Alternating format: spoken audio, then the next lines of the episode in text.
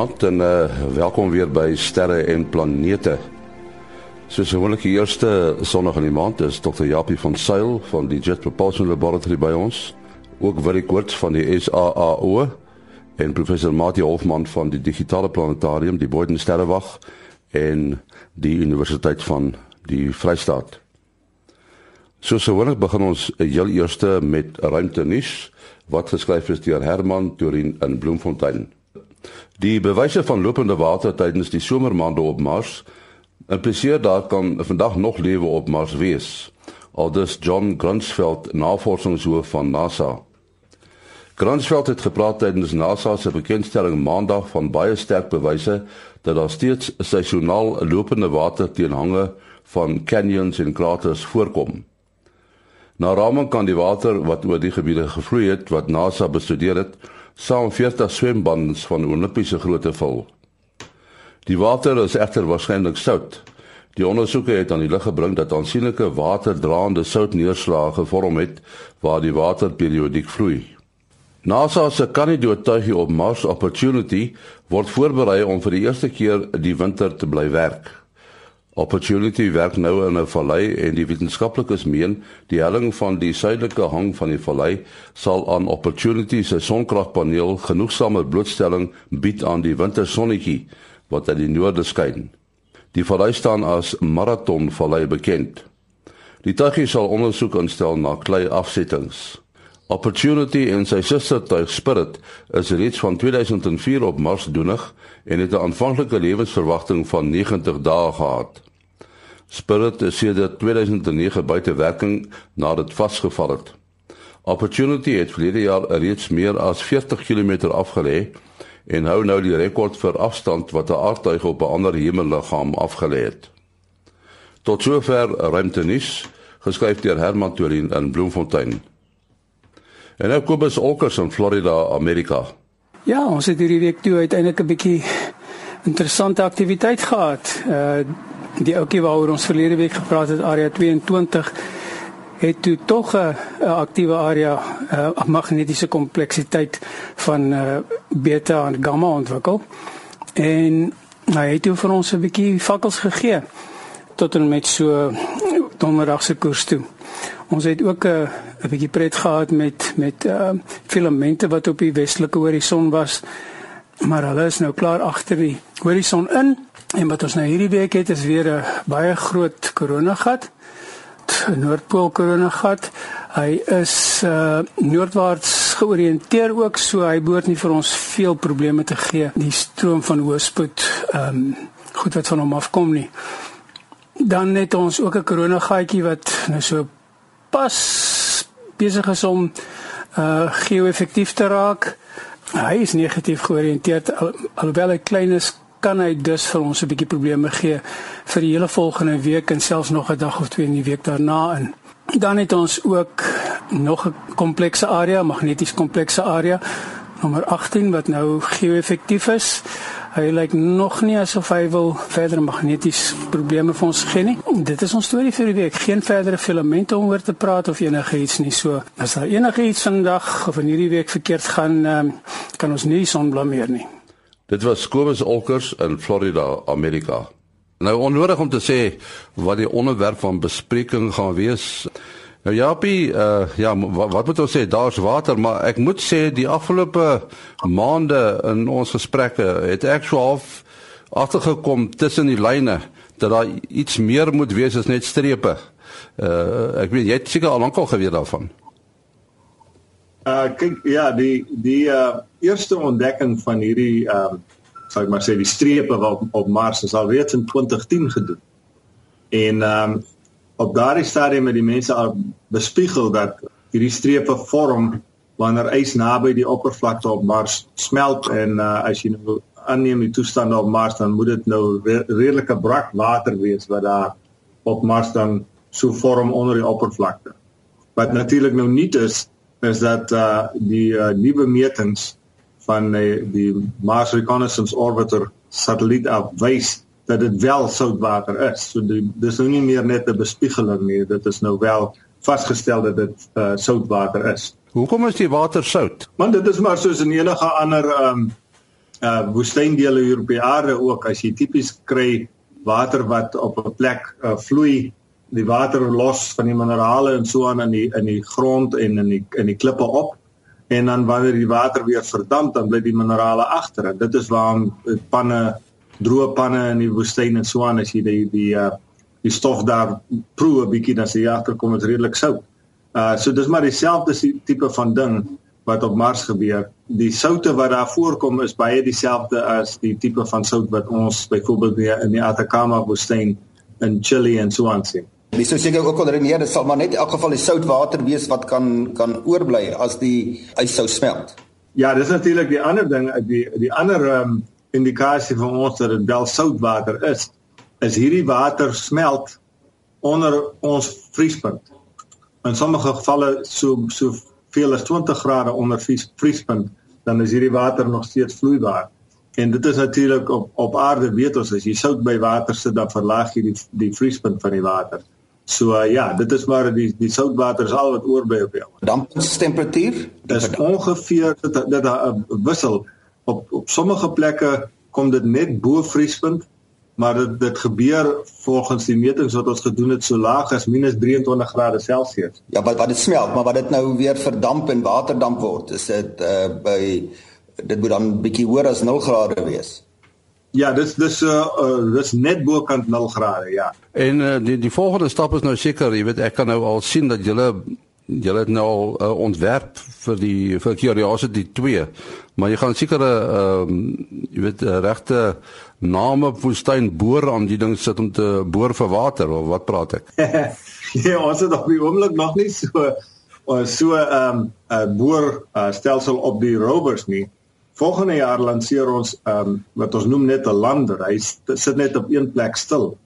Die in Insight mission Nou wat hy gaan doen is hy gaan stil sit op Mars en dan gaan hy 'n gat van 5 meter diep boor en dan temperatuursensors in die gat insit om te kyk hoeveel die hitte is wat uit uit die binnekant van Mars uit ontsnap. Nou dit is uh, soos ek sê, dit is net 5 meter diep wat ons die gat gaan boor. Uh die probleem is met hierdie plekke wat wat ons nou uitgevind het waar hierdie strepe so vorm, dis meestal op baie steil hellings wat dit gebeur. En so dit gaan 'n bietjie moeilik wees, dis te steil vir ons rovers om daar uit te ry. En uh So ons werk aan twee verskillende tegnologieë hierso op die oomblik by JPL. Die een is 'n uh, klein helikopter wat ons hoop om in 2020 met ons saam te vat en dan te bewys dat hy nou daar kan rondvlieg op Mars. Uh wat dit natuurlik moeilik maak is ehm uh, die klein helikopter moet heeltemal onder rekenaarbeheer opstyg en weer land en weer terugkom sonder enige GPS satelliete en so aan want die die tydverskil tussen ons en Mars is net te groot dit, dit vat te lank vir 'n sein om so toe te gaan om vir mense van hier af die ding te probeer vlieg. So uh, dis een tegnologie en dan die ander een is 'n sogenaamde die sogenaamde Axel rover. Nou wat die ding is, dis 'n rover wat sy een as kan laat vrygaan en dan uh, het hy so 'n lang kabel waarmee hy dan die as laat uitspoel sal ek maar sê. Uh, so jy kan 'n die kraan stilhou en dan kan hy as nou teen die kraan afsak met die kabel wat nou aan die aan die ander deel wat geanker is bo vasgehou word en dan kan jy nou so afsak tot jy nou by die plekke uitkom en dan trek jy op die oond as jy weer wil verder ry dan trek jy nou maar weer net die as met die kabel op en dan sluit jy nou maar aan by die die ander deel van die rover en dan kan jy nou weer ry. So albei van hierdie tegnologie sal ons uh, het ons ontwerp spesifiek vir die idee dat 'n ou vorentoe dalk op hierdie styl hellings moet gaan kyk wat daar aangaan by hierdie strepe. Ek sien uh, die watervorm met in die somermaande op Mars. Ehm um, dit dit nou like my ook te doen met die temperature wat julle nou nou van gepraat het, maar so in die winter neem ek aan is dit te koud. Uh want die soutte trek dan die vog uit die lug uit en sweet soort van net, dit is soos wat ek dit verstaan. Ja, daar's twee teorieë wat uh, wat waar volgens dit gebeur. Die een is uh presies wat jy gesê het, as daar 'n klein bietjie waterdamp in die lug is, die sout uh soos 'n mens maar op aarde ook as jy sout buite los, daar's 'n klein bietjie vog in die lug dan word die sout nat, né? So uh, dit is dieselfde uh is dis die een teorie dat dit is wat gebeur. Die ander teorie is dat uh, dit wel ys is wat baie naby die oppervlakte is wat dan smelt en dan so 'n soort van net onder die oppervlakte vloei En dan sien jy nou maar net die natheid bo op die oppervlakte soos wat dit nou opstyg deur die grond. Uh watter een van die twee teorieë nou reg is, dit sal ons nou nie weet tot tyd om tyd en wyl ons nou by die plekke kan uitkom nie. Die oppervlaktes waar die uh donkerkleurige strepe dan nou voorkom waar hierdie soutte dan opgetel is, is dit 'n sanderige oppervlaktes of is dit 'n meer vaste oppervlak dat jy nou sê 'n klein soort robot voertuigie daarteen sou kon opklim? Jy nou die ander metode wat jy van bo af iets laat afsak met 'n katrol, maar sê nou jy sou 'n klein voertuigie kon bou wat op 'n uh, styljalang kon loop. Ja, al, al die inligting wat ons op die oomblik het, lyk asof hierdie plekke redelik sag is. Dat dit uh jy weet um baie sanderig of baie stowwerig is. Dit 'n laag stof wat op hierdie hellings vorm. amper soos ons duine wat jy soms daar sien in in uh in Afrika en Suid-Afrika en in Namibië as die as die winde waai dan vergader die stowwe en die um en die sand soet in die hellings. Dit lyk asof dit baie sag is. Nou die enigste werklike uh, sal ek maar sê meting in 'n sekere sekere sin wat ons daarvan het is ons het al 'n paar fotos geneem van klippe wat losbreek teen hierdie kraanse en dan afrol teen die kant en jy kan sien hulle hulle vorm diep fore sal ek maar sê soos wat hulle teen die kraans afrol. Uh met met ander woorde die grond moet redelik sag wees. Of ons nou wel met 'n rower daar kan uitry ek dink nie ons is so so seer bang vir die feit dat dit sagte grond is as wat dit as vir die hellings baie styl is. So die kom as jy die kombinasie van die twee vat, dan gaan dit 'n bietjie sukkel om wat rower daar uit te ry. Is dit net teen baie styl hellings of uh, wat hierdie strukture voorkom of teen uh, sagte hellings ook? Sover het ons dit nog net teen baie styl hellings gesien, maar dit uh, ek het nou ek moet sê ons het nou reeds hulle as ek reg onthou ons omtrent 12 al van die plekke gekry nou op Mars waar waar hierdie strepe voorkom. En sover ek weet, was meeste van hulle teen styl hellings. Ek kan nie onthou van ene wat ek gesien het wat op sal ek maar sê 'n um, um, redelike ligte bultjie sal ek maar sê weet. Is nie. Die meeste van hulle is teen die krater se se wande. Het julle ouens daarso wat daardie soutoplossings hier op die aarde sal kan namaak en kyk wat se bakterieë daarin kan leef en groei? Ja nee, dit dis definitief die volgende stap. Ons het uh, reeds van die soutte Een van die soutte wat daar voorkom is is wat hulle noem perchloride. Nou op aarde is uh kom die goeters uh voor uh in woestyndele. En uh aanvanklik het ons gedink ons het die goed soem toe gevat saam met ons dit op die want die eerste eerste keer wat ons dit gesien het was met die Phoenix um lander gewees. Toe ons gedink ons het dit dalk saamgevat, jy weet dat uh, ons maar 'n bietjie kontaminasie gehad het, maar uh ons het sedertdien uh, vasgestel dit kom redelik algemeen op Mars voor. Nou wat die sou interessant maak is uh sommige forme van daai sout kan 'n mens gebruik om um om vuurpyl um brandstof mee te maak. So dit sal 'n goeie idee wees as ou baie van die goeders kan kan raakloop daar en dan uh, in die toekoms as ons ons eie uh, brandstof daar wil maak, sal dit 'n uh, goeie ding wees. Ja, ons raak nou baie opgewonde oor oor hierdie fonds op Mars. Maar daar's tog baie water in die ruimte, nê. Nee. Ek dink aan daai waterfonteine wat spuit uit Enceladus, die maan van Saturnus en ander plekke. Ja, en uh, dis natuurlik waar en ons loop natuurlik daar's 'n groot oseaan beide op Enceladus uh, en en op Europa wat ons uh, hopelik binnekort gaan bestudeer. Binne binne die volgende paar weke gaan ons weer deur die um, fonteine op um, Enceladus vlieg met die Cassini satelliet. Uh dit gaan een van die laagste, sal ek maar sê, tra uh, trajecte wees wat ons bo kan die oppervlakte van die maan sal doen. Is ongeveer as ek reg onthou 40 km bo kan die oppervlakte. En die goed spuit so 150 km in die lug. So ons gaan deur van daai fonteine vlieg om weer te kyk uh waar waarvan hulle gemaak is. Ons weet dit is soutwater en daar's organiese materiaal en so aan in organiese materiaal in hierdie geval beteken net daar's koolstof. Dit beteken nie dis lewendige materiaal nie. Maar ons gaan dit weer eens uh, vasstel uh, met ons een van ons laaste vlugte verby en selfs dus met hierdie satelliet voordat ons hom in 2017 dan in in Saturnus gaan vaslig laat hy ja nie naby Enceladus of so 'n plek beland in die toekoms. Ja, dan moet 'n mens seker uiteindelik die vraag vra, wat is die volle betekenis nou daarvan dat ons uh, hierdie water op Mars gekry het? Beteken dit dat daar moontlik lewe is dat uh, mense dalk oor 'n hele lang periode daar sou kan gaan bly. Kyk, as daar water natuurlik naby die oppervlakte van Mars is, ons weet natuurlik een van die groot uh, dinge een van die mees noodsaaklike dinge wat ons nodig het vir mense om op Mars te oorleef is natuurlik water. So as water vandag in vloeibare vorm op Mars bestaan, dan behoort daar redelik genoeg van hierdie natuurstof te wees wat ons nodig het vir mense en natuurlik wil ons ook die water gebruik vorentoe om um, om die brandstof te maak vir vir die vuurpyle om weer terug te kom en so aan. So dit is 'n ongelooflike groot plus vir ons as ons mense so toe opvat. Maar die groter vraag natuurlik is as daar water vir um, nou biljoene jare op Mars uh bestaan het, is dit wel moontlik dat daar dalk bakterieë en so aan vandag op Mars bestaan.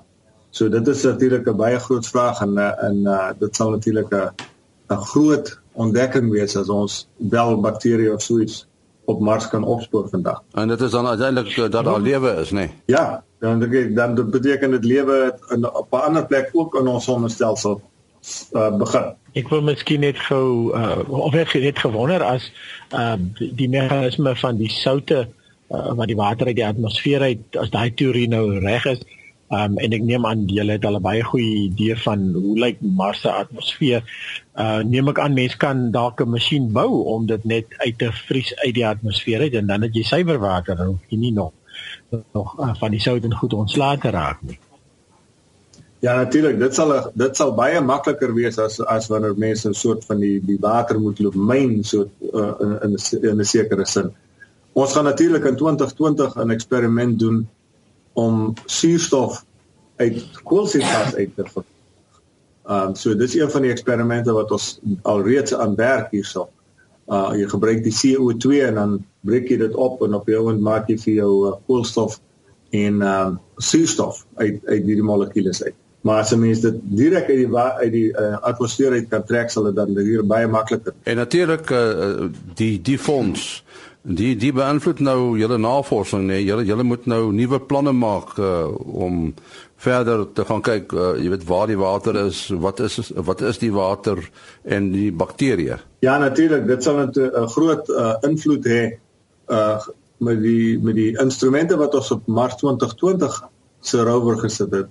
Ek kan ons reeds kyk of daar wel bakterieë en so aan is, maar soos ek sê, nou kan met die rover sal ons nie by die plekke kan uitkom waar om mense hierdie strepe sien nie. Maar uh dit, dit jy weet ons nog 'n paar jaar om daaroor te dink voordat ons daar daar gaan aankom. So ek sal nie verbaas wees as iemand hier met 'n baie slim plan voor voor voor 'n dag kom wat ons kan naby genoeg aan hierdie plekke kom om vas te stel of daar wel bakterieë is. En, en op daai punt, ek vat nou sommer 'n wilde kans as jy nou daardie helikoptertjie kan bou, kan hy nie 'n meetinstrument laat val op daai plekke met 'n sendertjie in nie dat jy nou Ja nee, dit sal natuurlik een van die dinge wees waarna ons gaan kyk. Uh alternatief kan hy dalk daar loop land en 'n klein bietjie materiaal optel en dit naby die rover kom kom weer land en dit daar los sodat die rover dit kan van nader bestudeer met sy meer gesofistikeerde instrumente. So ja, ek dis wat ek bedoel. Ek is ek sal nie verbaas wees as iemand hier met 'n baie slim idee voor 'n dag kom. Nou ja, ongelukkig moet ons haltroep. Uh Japie, jou besonderhede? My e-posadres japiejpl @gmail.com. Ja, pjpl@gmail.com. Wat is? 0724579208. 0724579208. En dan uh, Mati. Uh, 0836257154. 0836257154. En dan my uh, e-posadres maas.henny@gmail.com. maas.henny@gmail.com. Baie dankie aan die, die drie deelnemers. Dit is uh, Dr. Japie van Sail, Willie Koorts en professor Mati Hofman. Tot volgende week. Mooi loop.